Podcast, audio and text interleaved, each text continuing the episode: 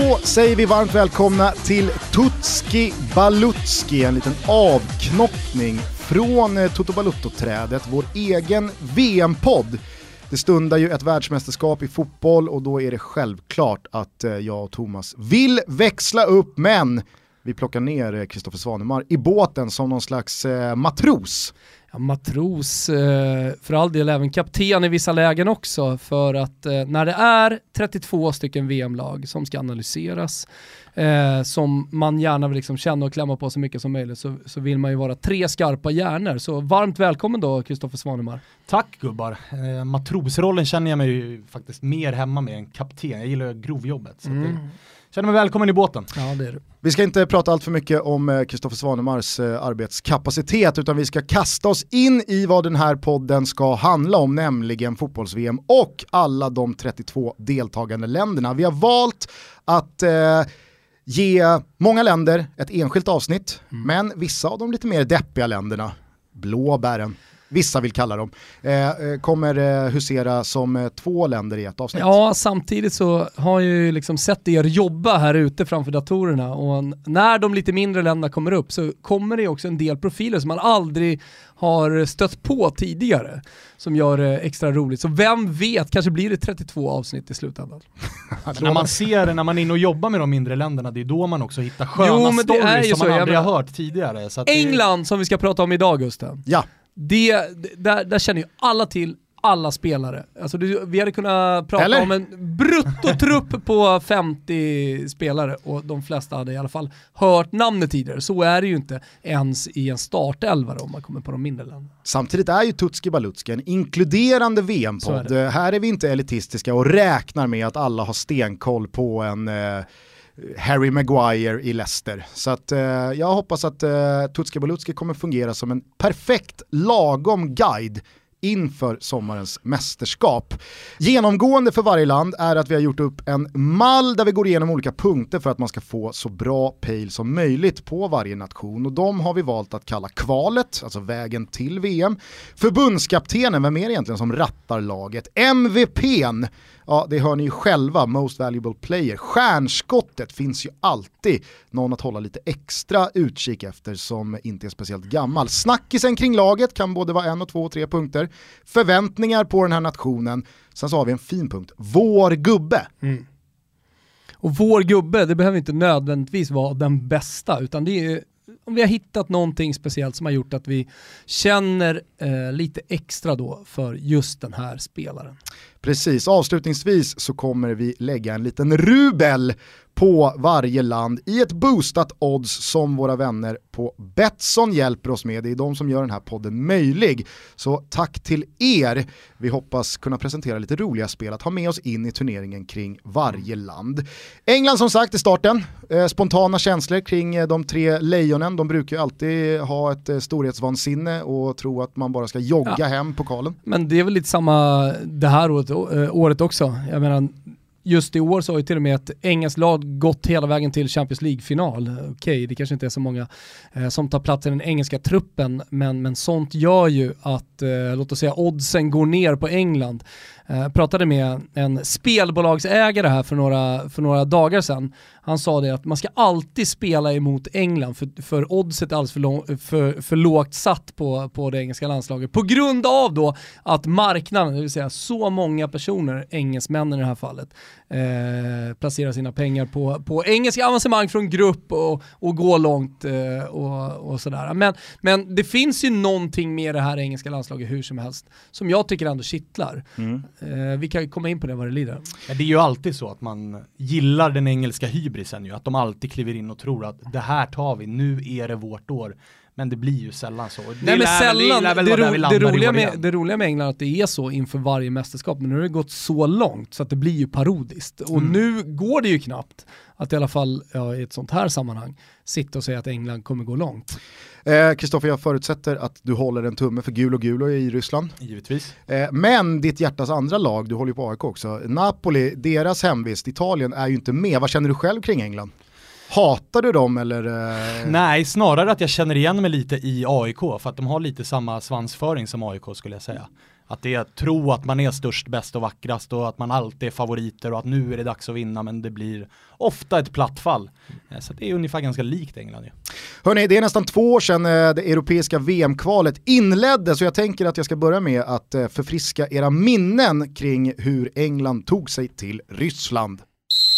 I den femte tilläggsminuten borta mot Slovakien tryckte Adam Lallana in 1-0 och den nytillträdde förbundskaptenen Sam Allardyce drog en lättnadens suck. Men det blev också det sista den tuggummituggande bulldosen gjorde som landslagschef och en dold kamera senare satt Gareth Southgate på posten. De hållna nollorna bestod dock och kvalets första insläppta mål kom inte förrän i den femte omgången. Visst, motståndet kanske inte var det tuffaste, men en intakt förlustnolla och ett aldrig närvarande darr på manschetten imponerade. Inga målfyrverkerier, men minnesvärda matcher mot lillebror Skottland där lagets interna skyttekung Harry Kane med ett av sina totalt fem mål lyckades undvika förlust i matchminut 93 på Hampton Park i Glasgow. England reser till Ryssland med med en ordentlig tuppkamp. Carl Walker has robbed it. How's the cross? Oh, it's brilliant! And Harry Kane's put it in! Captain Kane in stoppage time sends England to Russia.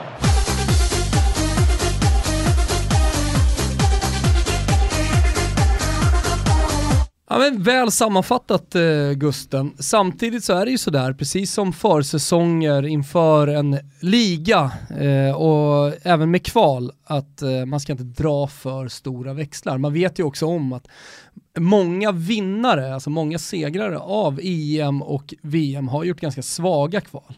Eh, nästan så att man kan tycka att ett svagt kval, precis som en svag eh, försäsong, kan vara positivt. Eh, så att jag, tror inte, jag tycker inte att man utifrån kvalet ska dra för stora växlar på, ja, England, utan snarare på andra saker. Framförallt inte när man är i kvalet, som ju så många gånger förr så får man ju ganska lätt kvalgrupp, för att man har ju fortfarande, eller har haft i alla fall, en ganska hög ranking, mm. så att man ställdes ju inte riktigt mot någon värdig motståndare, så att återigen varit en sån här promenad i parken fram till mästerskapet och det gör ju också att förväntningarna är så stora som de ju är. Det stundar ju ett eh, Nations League och ett mer eller mindre slopande av träningsmatcher för att få en mer korrekt eh, ranking av de europeiska landslagen. Men England eh, drog ju en bra lott i det här kvalet i och med att man fick Slovakien, Slovenien, Skottland som tuffaste motstånd. Det fanns ett Italien i en annan grupp, likvärdigt skulle jag säga, om inte bättre än England. Åker på det en får du ändå säga. Ja, men åker på en Spanien-lott och då är det såklart eh, betydligt tuffare att knipa en direktplats mm. än vad det är för England. Så att jag håller med er. Eh, dock så tycker jag inte att man ska underskatta en förlustnolla. Jobbet ska göras trots att motståndet på pappret ja. är ganska enkelt och där tycker jag att eh, Southgate och England fick ihop det jävligt bra. Det, det jag kan tycka kring det engelska landslaget nu jämfört med tidigare, eh, man brukar prata ganska mycket om den engelska fotbollen, alltså Premier League, som har ändrat eh, skrud de senaste åren. Eh, med inledningen egentligen när Arsène Wenger kom till eh, Arsenal, började göra om sättet man tränade på, sättet eh, man eh, höll sin kost på. Eh, det var en stor revolution inom den engelska fotbollen när liksom, den gamla engelska ligan blev Premier League eh, och blev Premier League på allvar. Eh, det som har hänt sen då, alltså de senaste åren, det är att det verkligen då har fyllts på med spelare utifrån, eh, men för all del också tränare utifrån. Jag tror att det är ett VM-perspektiv för England kan vara fundamentalt. Alltså det kan verkligen vara en nyckelfaktor. Till exempel att Pep Guardiola tagit eh, eh, Manchester City och gjort vad han har gjort med till exempel en spelare då som eh, Sterling. Sterling som jag tyckte innan, innan Pep la sin varma arm över hans axel, eh, var en spelare som man såg potential i, som han hade gjort med många engelska spelare tidigare, men som sen aldrig riktigt nådde hela vägen fram till att bli en sån här riktigt topp-topp-spelare. Det har Sterling blivit den här säsongen, tack vare att det är Pep Guardiola som har varit där och tagit hand om honom. Så låt oss säga då att det, liksom, det här med moderna fotbollen, det som ofta målas upp som en dystopisk framtid och så vidare, det, har, det kan bli eh, en positiv faktor för England i det här mästerskapet. Vet du vad uspen med Raheem Sterling är dock? Berätta. Det är att han är fyrbarnsfar. Det visste jag inte ens. Trots, vad är han? Är 24 bast. Bra jobbat. Bra, Bra jobbat. bläck i pennan på ah, Raheem. Vill ni veta lite mer om förbundskaptenen Gareth Southgate? Gärna. Gärna. Gareth Southgate var inte tänkt att ta över de tre lejonen efter att Roy Hodgson tackat för sig efter EM i Frankrike. Men efter skandalen där Big Sam på dold kamera satt och berättade ingående om hur man kringgår tredjepartsägande gick det fort. Inga riktigt heta alternativ var lediga och när interimlösningen som var Southgate, då U21-förbundskapten, löste resultaten i sina första matcher fick han fortsatt tills vidare förtroende från november 2016. Betydligt mindre erfaren än sina företrädare och har egentligen bara några säsonger som tränare för sitt Middlesbrough innanför västen att skryta med, förutom U-fotboll inom förbundet. Han har experimenterat en hel del med eh, 3-5 back mot det namnkunniga motståndet på sistone och längst fram blir det spännande att se om Harry Kane flankeras av en central topp i ett 3-5-2 eller två bredare varianter i någon slags 3-4-3-variant. Southgate sa själv så sent som i vintras att han, citat, kan förlora alla tre matcher i Ryssland och ändå inte få sparken. FA har nämligen visat stort förtroende efter ett lyckat kval och kanske är Southgates år inom eh, ungdomslandslagen till hans fördel när de VM-vinnande generationerna från U17 och U20 kommande år ska slussas in i seniorfotbollen. Southgates U21 tog sig dessutom hela vägen till straffar mot Tyskland i fjolårets U21 EM-semifinal. Så att eh, han har ju onekligen hamnat rätt, Gareth Southgate. Eh, Rätt man på rätt plats när Sam Allardyce eh, fick tacka för sig efter blott 67 dagar på posten. Ja, verkligen. Och skönt också att han går och tar ner förväntningarna istället för att säga att nu jävlar ska vi ta hem det här så är det att vi kan torska tre, jag sitter säkert, vi håller på att bygga någonting. Det tror jag att det är den bilden de behöver förmedla eh, inför det här mästerskapet. Ja, men i och med, att, eh, i och med att folket alltid har så stora förväntningar Exakt. och alltid vill gå hela vägen.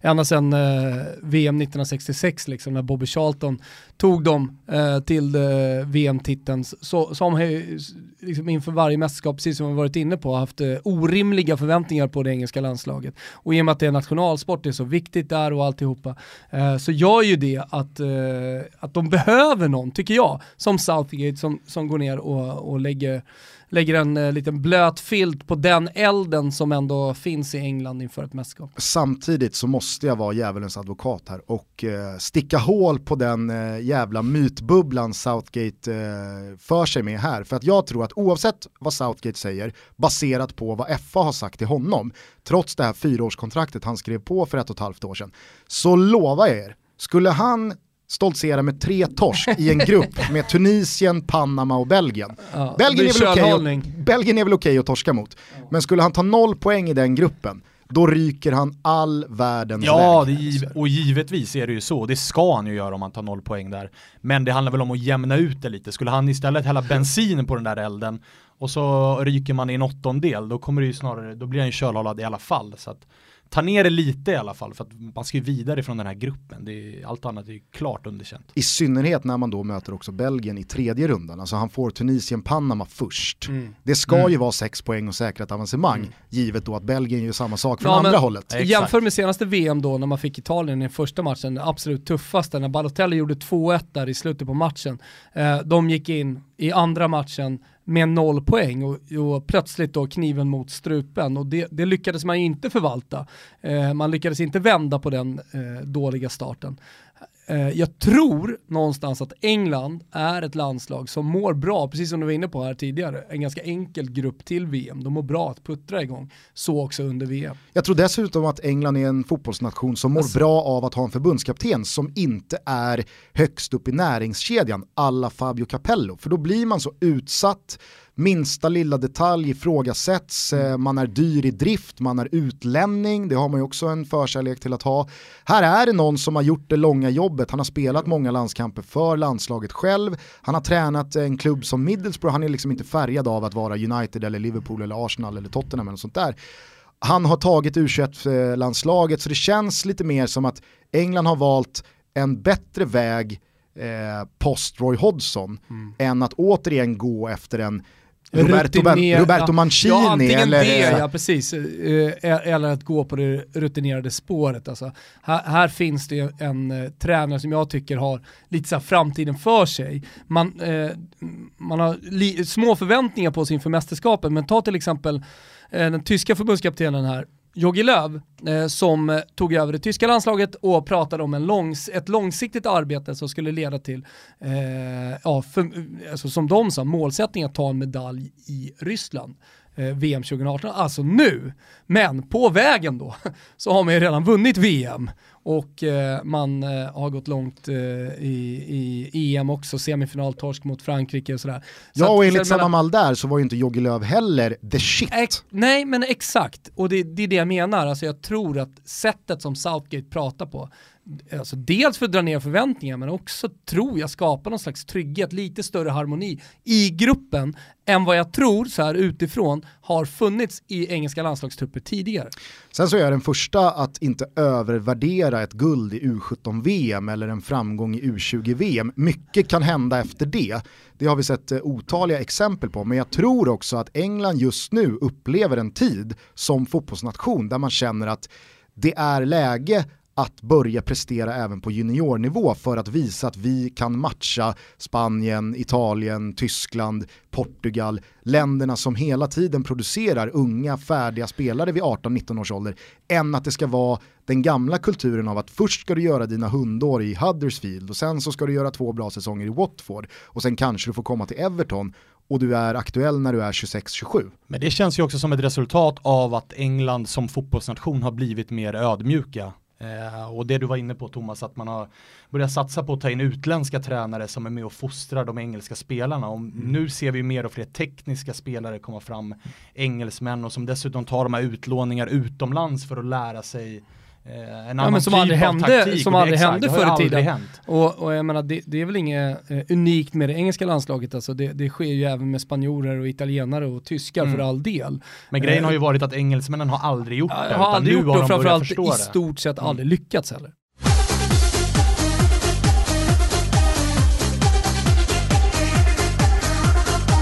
Hörni, eh, det finns ju en rad spelare att välja mellan när man pratar om Englands MVP, men jag har landat i följande herre. Harry Kane, landslagsspjutspetsen, eh, skyttekungen från Tottenham. När vi spelar in det här avsnittet så återstår det för eh, Kane två matcher i Premier League, således så är det väl fortfarande teoretiskt möjligt att nå Mohamed Salah i skytteligatoppen och i sådana fall då en tredje rak här hade vinst du, Här hade du ju Gusten kunnat eh, låtsas som att vi spelar in det, det här avsnittet eh, av VM-podden Tutski Balutski när den engelska ligan redan är avslutad för att han kommer ju inte att eh, ta det från Salah. Absolut, men vi är transparenta. Ja, Således förstår ni också att den engelska truppen heller inte är officiellt uttagen och det kommer ni förstå lite senare när vi pratar lite snackis, snackisar och sådär. Men Harry Kane, det är väl inget snack om saken att eh, den anfallaren är nej, Englands MVP? Nej, verkligen inte. Eh, jag kommer ihåg när vi såg honom eh, spela med det engelska u landslaget du och jag Gustav, när vi var på plats i Olomouc i Tjeckien.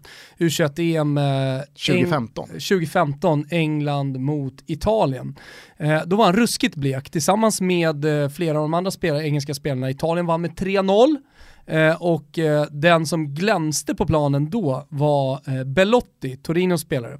Fick du in honom också i England? Ja, eller hur. Nej men det, det jag skulle säga är att så här, sen dess, alltså, även om han har varit en stor talang och alltihopa, så har han ju verkligen varje säsong tagit ett kliv. Så här, även om han eh, fjolårssäsongen gjorde det fantastiskt och redan där var en världsanfallare, en nummer nio som eh, absolut ska nämnas i liksom topplistor av de bästa just nu.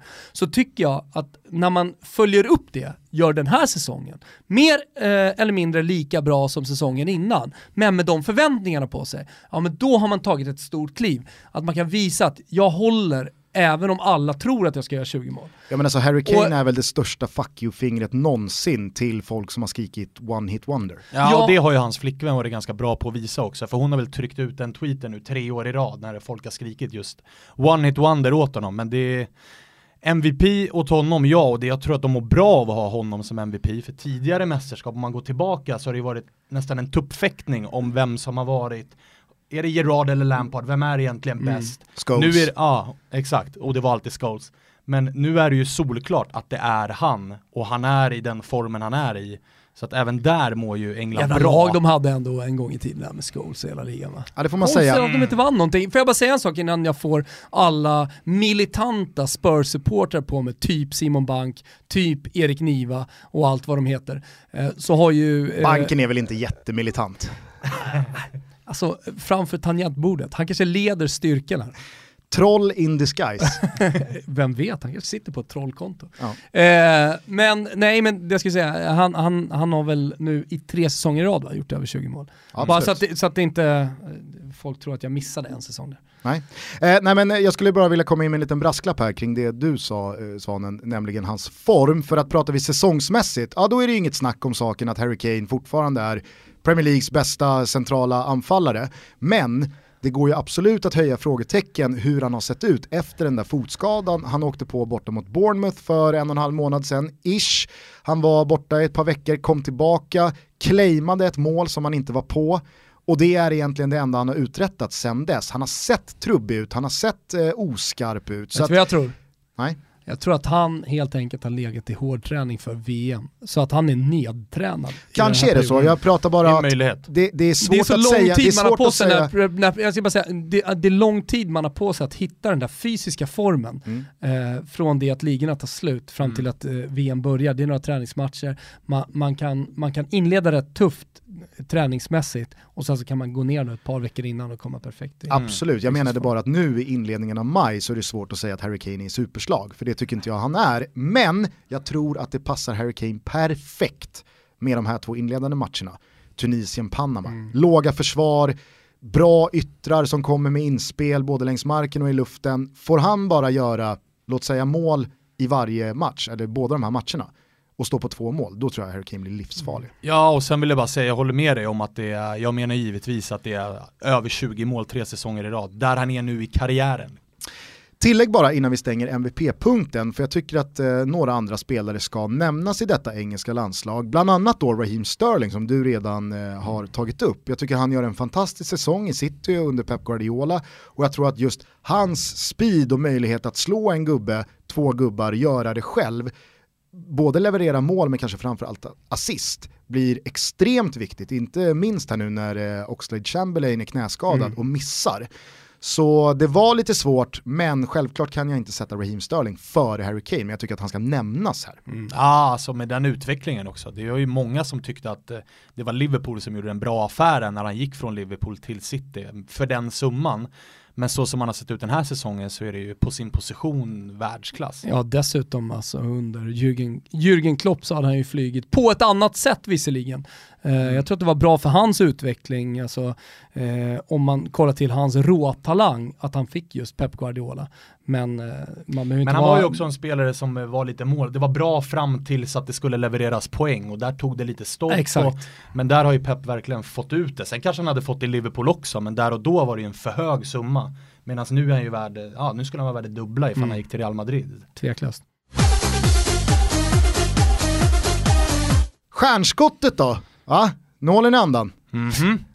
Det är ju svårt att gräva fram stjärnskott eh, ur eh, tomma intet när det kommer till England, ett eh, fotbollsland man följer väldigt nära, i alla fall många med mig, till skillnad då från andra länder som deltagit i det här VMet. Men det låter i alla fall så här, svårt att toppa den 16-årige Theo Walcott som Svennis plockade med till VM 2006. Men visst kan Manchester Uniteds Marcus Rashford få en betydande roll i Ryssland.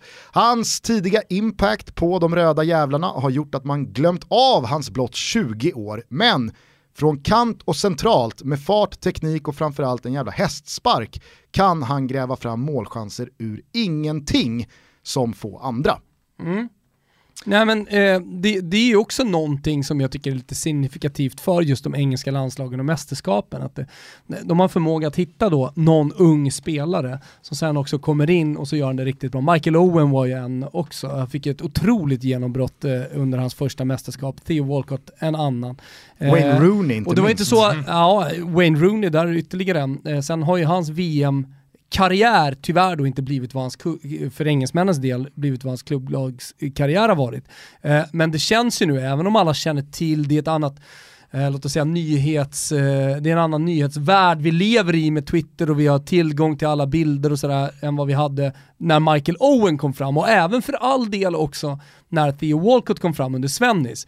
Eh, så nu, nu, nu har man väl kanske lite bättre koll på de här spelarna eh, och alla känner till honom, eller de flesta i alla fall. Men jag tror att det kan bli ett litet mini-break absolut för honom. Ja, för jag menar som jag är inne på, Marcus Rashford kom fram i Manchester United för eh, tre år sedan. Alltså han debuterade i eh, Europa League mot Mittjylland, kan till och med ha varit bara dryga två år sedan.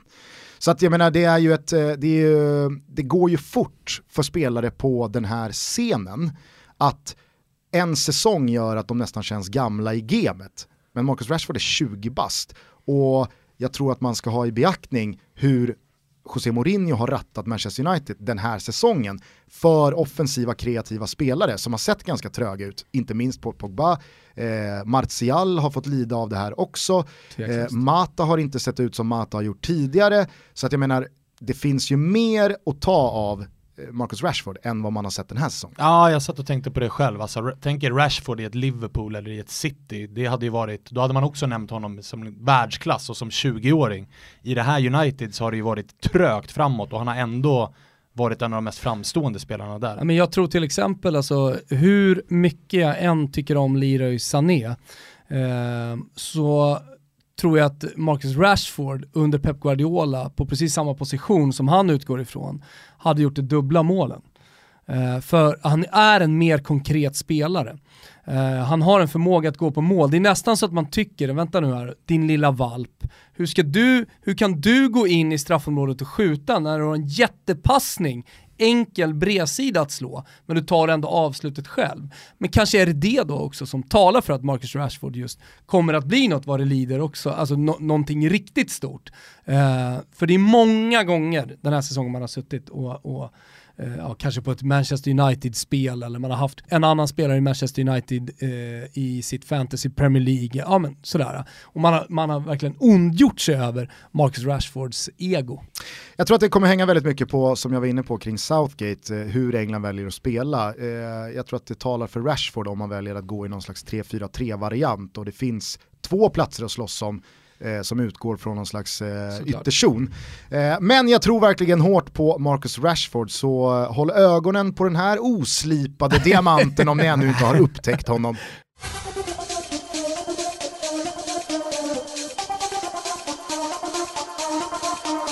Snackisar finns det ju såklart eh, driver av när det kommer till England, men jag har fastnat lite för målvaktsfrågan och försvarsspelet. Om vi börjar med det sistnämnda så är det nämligen så att Gareth Southgates England har det senaste halvåret hållit nollan mot, håll i nu, Holland, Brasilien och Tyskland. Bara en straff i den 87 minuten från Lorenzo Insigne hade kunnat addera Italien till den skaran. Och således... Det hade i inte gjort någonting kanske inte, men det hade ju varit kul ja. att eh, ha fyra av de absolut största lagen jo, jo, att stoltsera med hållna nollor mot.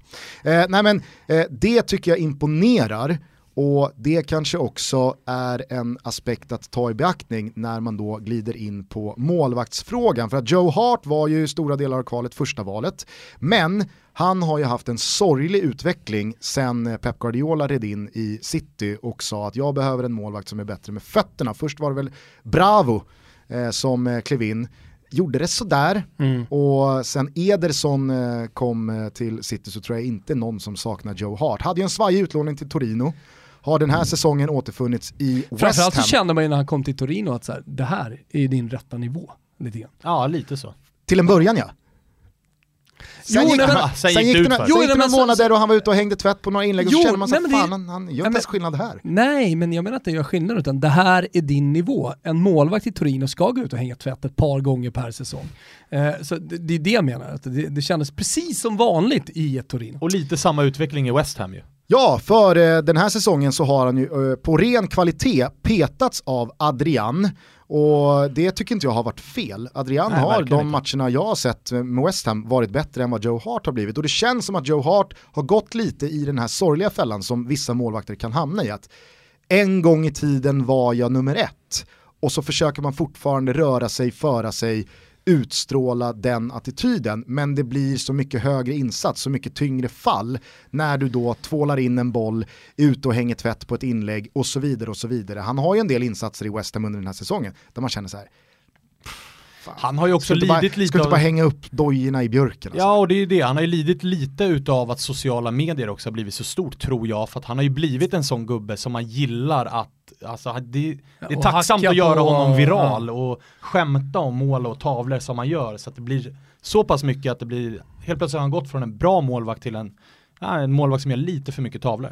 Det är inte bara Joe Hart vi ska stanna till här kring målvaktspunkten utan det fortsätter. Stokes Jack Butland fick speltid i kvalet och låg väl bäst till för ett halvår sedan, men en ganska så svag vår har stärkt Evertons Jordan Pickfords chanser att eh, få första spaden betänkligt. Innan ett längre skadeuppehåll var Southamptons Fraser Forster ett givet rop i budgivningen, men han har nött bänk på sistone till förmån för den oerhört anonyma Alex McCarthy. Vem fan vet vem det är? Rysaren är Burnleys Nick Pope som efter en långtidsskada på ordinarie första slipsen Tom Heaton via en fenomenal säsong är på väg hela vägen till Ryssland. För alla som älskar att grotta ner sig i engelsk fotboll så är det ju här en eh, svårlöst ekvation. Vilka tre målvakter ska åka med till Ryssland? Jag håller i alla fall eh, Jordan Pickford, Evertons eh, etta, som det bästa budet att ställa mellan stolparna. Jag vet inte vad ni säger. Eh, varför inte? Han är ju modern i sin spelstil, en ganska liten målvakt men rätt snabb, bra på linjen så att varför inte? Men det gör det ju ännu mer... Vilket är lite så här, äh, inte paradoxalt, men i alla fall eh, annorlunda vad det gäller engelska ja, landslag. Verkligen. För det har alltid varit så att den engelska målvaktsskolan, ja, men, utifrån då hur man spelade fotboll på öarna 4-4-2 med yttrar som kom, slå inlägg eh, och så då, en då vill man ha en stark ja, målvakt i luften som, som är ute och äger i straffområdet med pondus. Så det, det var ju viktigt med eh, räckvidd och, och, och självförtroende och liksom en aura av sig att äga straffområdet på ett annat sätt förut i England. Men för att avsluta den här pucken där jag började så tror jag att det inte kommer hänga så mycket på vem det är som faktiskt står. Jag tycker att England har imponerat försvarsmässigt, inte minst här då, eh, det senaste halvåret mot kvalitativt motstånd. Så att eh, ja, jag tror att eh, England kommer släppa in ganska få mål, i alla fall under ett gruppspel. Förväntningarna då? Guldet ska väl som alltid bärgas. Nej, skämt åsido, sedan England missade EM 2008 så upplever i alla fall jag det som att man omvärderat sig själva en aning. De flesta spelbolag har England som sjundehandsfavorit till eh, titeln och det är väl där någonstans eh, även jag placerar dem. Sett till hur gruppen ser ut så ska det naturligtvis bli avancemang och i rundan efter det så väntar motstånd från grupp H, högst troligt Polen eller Colombia. Där känner jag att de två är ganska jämbördiga. Så att eh, jag vet inte vad ni säger, jag tycker att en kvartsfinal är en skamgräns för England. Håller med. Skamgräns eh, och skamgräns. Alltså, gruppen ja. ska man ju ta sig vidare ifrån. Ja, gruppen ska man ta sig vidare ifrån. Eh, allting handlar ju om, tycker jag, eh, och det gäller egentligen alla lag, sättet man åker ut på, alltså sättet eh, man eventuellt förlorar på. Eh, och jag tycker att både Polen och Colombia är så pass eh, starka lag. Så att, så att eh, om man gör en bra match och åker ut på straffar så tycker inte jag att man ska känna någon slags skam. Men det kommer de göra. Ja. ja, alltså den allmänna bilden om de åker ut mot Polen eller Colombia jo, kommer ju vara att det är vi här är lite objektiva, så att det, det, jag tycker inte att de ska göra det. Jag tror att oavsett hur det ser ut så kommer det vara så att respass i åttondelen är inte bra nog, oavsett ja, hur det ser ut. Det är klart inte bra nog. Jag menar så här, även om man inte har förväntningar på guld så ska man ju såklart nå en kvart. Men när gjorde man det senast? Ja, men det var med, med Svennis. Vår gubbe! Ja! Härligt! Ja, men, rolig vem tror ni jag landar i? Ja, eh, här kan man ju spekulera lite. Vi bestämmer ju eh, vem som ska bli Toto-gubben, vår gubbe då. Eh, fast vi gör det individuellt eh, beroende på vem som ansvarar för avsnitten. Eh, det kan vi öppna med. Eh, I de mindre landslagen så hittar man ju många profiler som många inte känner till och man kan hitta lite så små nuggets då som, som, som, man gillar. England! Ja, vem är egentligen vår gubbe? Det är ju garanterat inte någon i startelvan. Ah, kanske. Han knackar, nu har ju du varit inne på och sagt det, att det, det är svårt att ta ut en engelsk eh, startelva. För det har varit ganska många olika typer av startelvor under kvalet. Precis, eh, jag ser det absolut inte som omöjligt att den här gubben startar i minst en match, men det hänger mycket på formationen då. då. Det låter i alla fall så här, hur man än vrider och vänder på det så går det inte att komma ifrån att Jamie Vardy så sent som 2010 spelade non-League football i Stocksbridge Park Steels för vilken lön då tror ni? 500 pund? 30 pund i veckan. Ja, jag tänkte månadsvis då, men då var, då, då var jag högt alltså. Få visste ens vem denna vindsnabba, stenhårda och hetlevrade anfallare var innan Leicester trollband en hel fotbollsvärld och vann Premier League 2016. Det här blir Vardis första och, vågar jag lova, enda VM. Tutto gillar sagorna. Ja men vi gillar sagorna, man kommer ju direkt att tänka på Skilacci som också gjorde ett VM, flög, blev skyttekung under det mästerskapet. Eh, Jamie Vardy, om man kollar på hans karriär, precis som du är inne på här, han vann osannolikt guld med Leicester. Gjorde 20 plus mål själv. Gjorde 20 plus mål själv och sen också stanna kvar. Det ska vi hylla Jamie Vardy för. Han har stannat kvar, varit en av de bästa anfallarna i Premier League de senaste åren, trots då att eh, eh, klubbarna sitter på enorma budgetar och kan mer eller mindre välja och vraka på skytte, eh, skytteligavinnare, höll jag på att säga, men, men målskyttar runt om i världen. Eh, så är Jamie Vardy där och gör det, gör det extremt bra.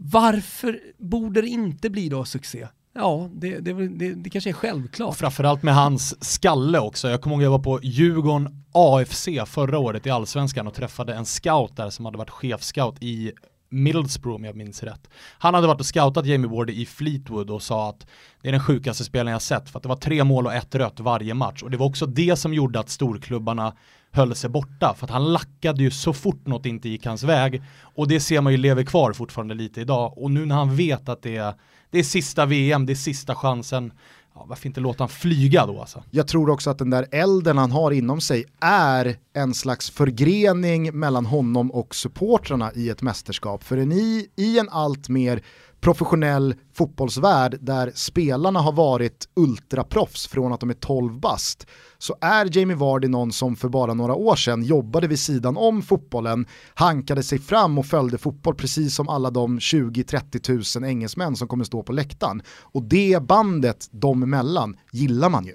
Ja men det gör man och jag tror att det är viktigt också att varje lag har en sån eh, spelare, inte, ja men någon som håller laget, truppen i handen och som samtidigt håller supportrarna i handen och som, som blir en länk däremellan.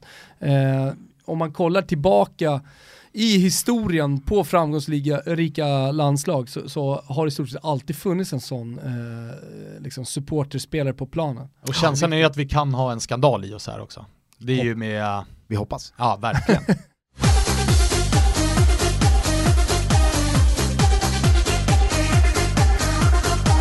Vi avslutar med Rubeln, nämligen vårt boostade odds på Betsson och i och med att eh, det här avsnittet eh, har ansvarats av mig så är det också jag som har fått ta ut eh, långtidsspelet. Jag tror på England, jag gillar ju England, jag håller alltid en tumme för de tre lejonen. Varför gillar du England? Varför håller du en tumme? Det är någonting med den där självbilden, precis som Svanen inledde det här med, att det, det finns någonting som attraherar mig i den där hybrisen, att vi är fan störst, bäst och vackrast, hur det än går för oss. Det finns ju, finns ju hundra landslag. Ja, men jag gillar den här, håll käften, vi är England, sätt er ner.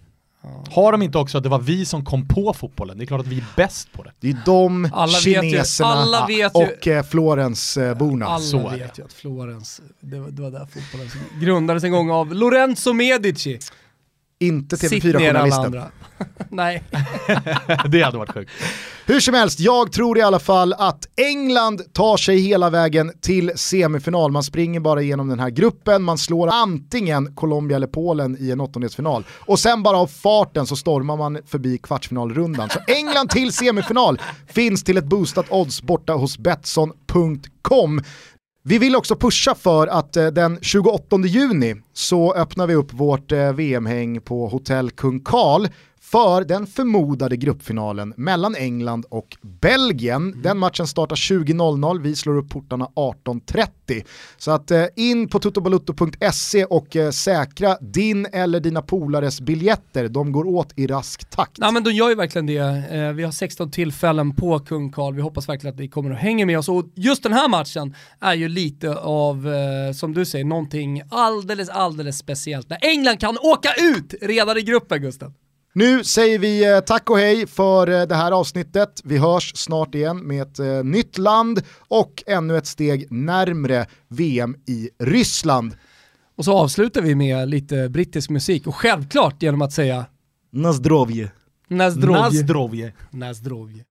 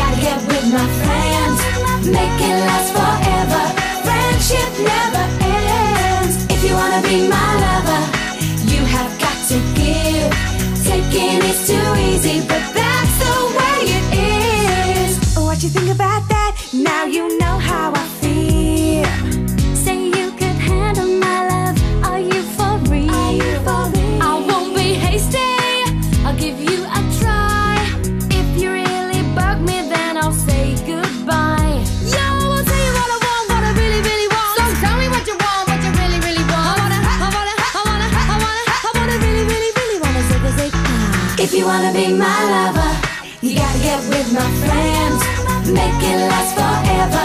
Friendship never ends. If you wanna be my lover, you have got to give. Taking It's too easy, but that's the way it is. So here's a story from A to Z. You wanna get with me? You gotta listen carefully. We got M in the place who likes it in your face. You got G like MC, you likes it on a easy V who doesn't come for free. She's a real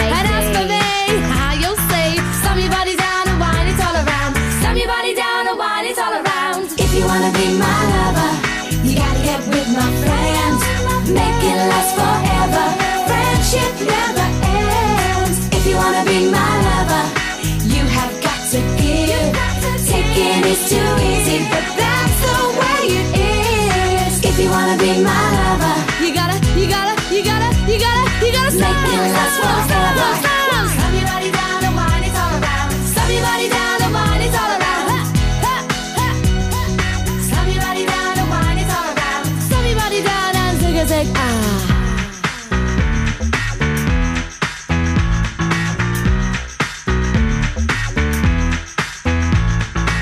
you wanna be my lover